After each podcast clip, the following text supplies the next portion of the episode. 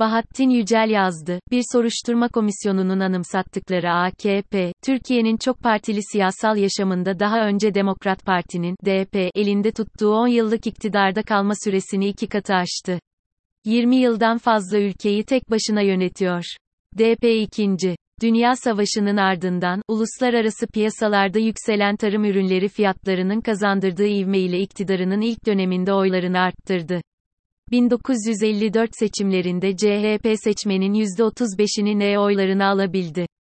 DP'nin dış borçlanmaya dayalı ithalat politikalarıyla desteklenen ilk döneminde, ekonomideki canlanma 1954 seçiminin ardından yerini durgunluğa bıraktı.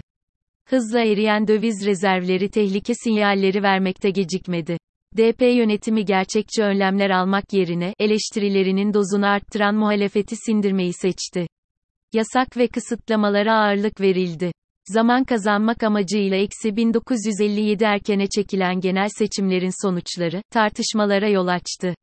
Gaziantep'te DP'nin kaybettiğini sezinleyen CHP'nin itirazı üzerine, oylar yeniden sayılmaya başlanırken, adli emanetteki oy pusulaları çıkan yangında yok oldu. Nüfusları hızla artan kentlerde ortaya çıkan, yokluk ve kara borsaya düşen temel tüketim mallarının yükselen fiyatları, DP'nin seçmen nezdinde güven yitirmesine neden oldu. Muhalefetin yüklenmesi de kuşkusuz etkiliydi. Örneğin Millet Partisi, MHP, lideri Osman Bölükbaşı memleketi Kırşehir'de partisi seçimleri kazanıp milletvekili seçilince, özel bir yasayla bu kent il olmaktan çıkarılarak, ilçeye dönüştürüldü. Bu süreçte DP'ye karşı çıkan gazeteciler tutuklanarak, halk arasında Ankara Hilton olarak anılan cezaevine kapatılmaya başlandı. Sıra bir süre sonra dokunulmazlıkları kaldırılacak olan milletvekillerine de gelecekti. Ana muhalefet partisi CHP'nin lideri İnönü, gittiği yerlerde organize saldırılara uğruyordu. Gerginleşen siyasal ortam, DP'nin ekonomideki başarısızlığını unutturmaya yetmedi. 1958 yılında Cumhuriyet'in ilanından sonra yapılan en yüksek oranlı devalüasyonla, liranın değeri düşürüldü. 4 Ağustos kararları olarak anılan önlemlerde resmen açıklanmasa da aynı gün %220 değer kaybıyla, 4 Ağustos öncesinde 2,80 lira olan 1. ABD dolarının karşılığı, 9. liraya yükseldi. DP'nin özel sektörü destekleyen, liberal ekonomi politika uygulaması da sona erdi. DP'li siyasetçilerin iktidara gelmeden önce seçim meydanlarında CHP'yi eleştirdikleri, savaş koşullarında eksi 1940 yürürlüğe giren, Milli Koruma Kanunu, bu kez kurtarıcı gibi değerlendiriliyordu. İthalat azaltıldı ve hızla ithal ikamesi uygulamalarına geri dönüldü. AKP'nin meclis çoğunluğuna dayalı kararlarına karşı çıkarak, kamuoyu desteği almakta yetersiz kalan bazı muhalefet partilerinin, benzer uygulamalarla karşılaşmaları tek başına rastlantı olarak değerlendirilmemeli. Ekonomi altüst olurken, döviz rezervi erimiş ve dış yardım alınamaz hale gelinmişti. DP bu dönemde kuzey komşumuz Sovyetler Birliği ile işbirliği olanaklarını aramaya başladı. Kuruşçev'in kapitalist olmayan yoldan kalkınma teorisine de uyan bu yaklaşım Menderes'i etkilemiş olmalıydı.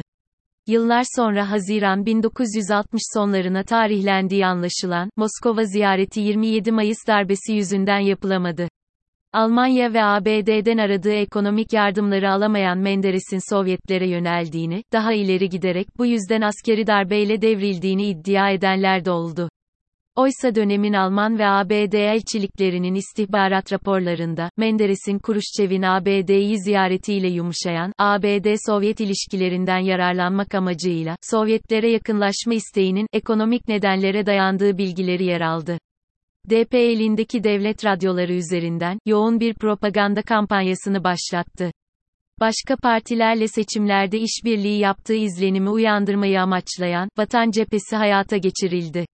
Aslında böyle davranılmasının nedeni, DP'den uzaklaşan seçmeni elde tutmak istemiydi.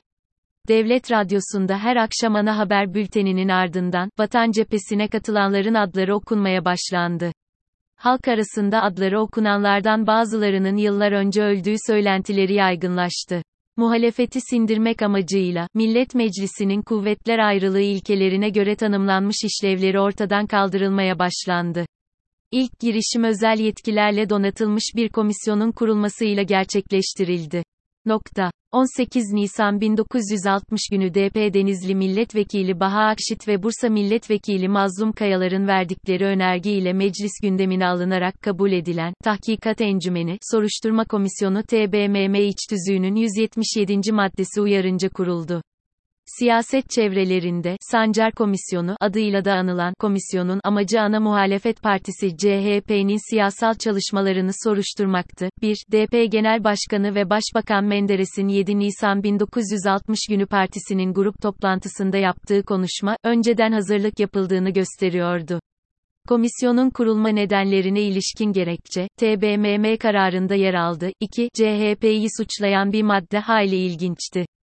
Bütün bu kanun dışı faaliyetlerini umumi efkara karşı haklı gösterebilmek için Türkiye Büyük Millet Meclisi'nin, onun itimadına mazhar hükümetin meşruiyetinden, halkı şüpheye düşürecek ve bundan da ileri olarak, gelecek seçimlerinde meşruiyetini şimdiden muallelimiş gibi göstererek, kurulmuş ve kurulacak iktidarlar aleyhine vatandaşları gayrimeşru yollarla tahrik etmek suretiyle itimatsızlığa ve huzursuzluğa sevk etmek dönemin Cumhurbaşkanı Celal Bayar'ın, DP milletvekili ve Devlet Bakanı Mükerrem Sarol'a, her şeyden önce hükümetimizi korumaya, tecavüzleri, saldırıları cezalandırmaya mecbursunuz, 3 sözleri, iktidar partisinin amacını açıkça gösteriyordu.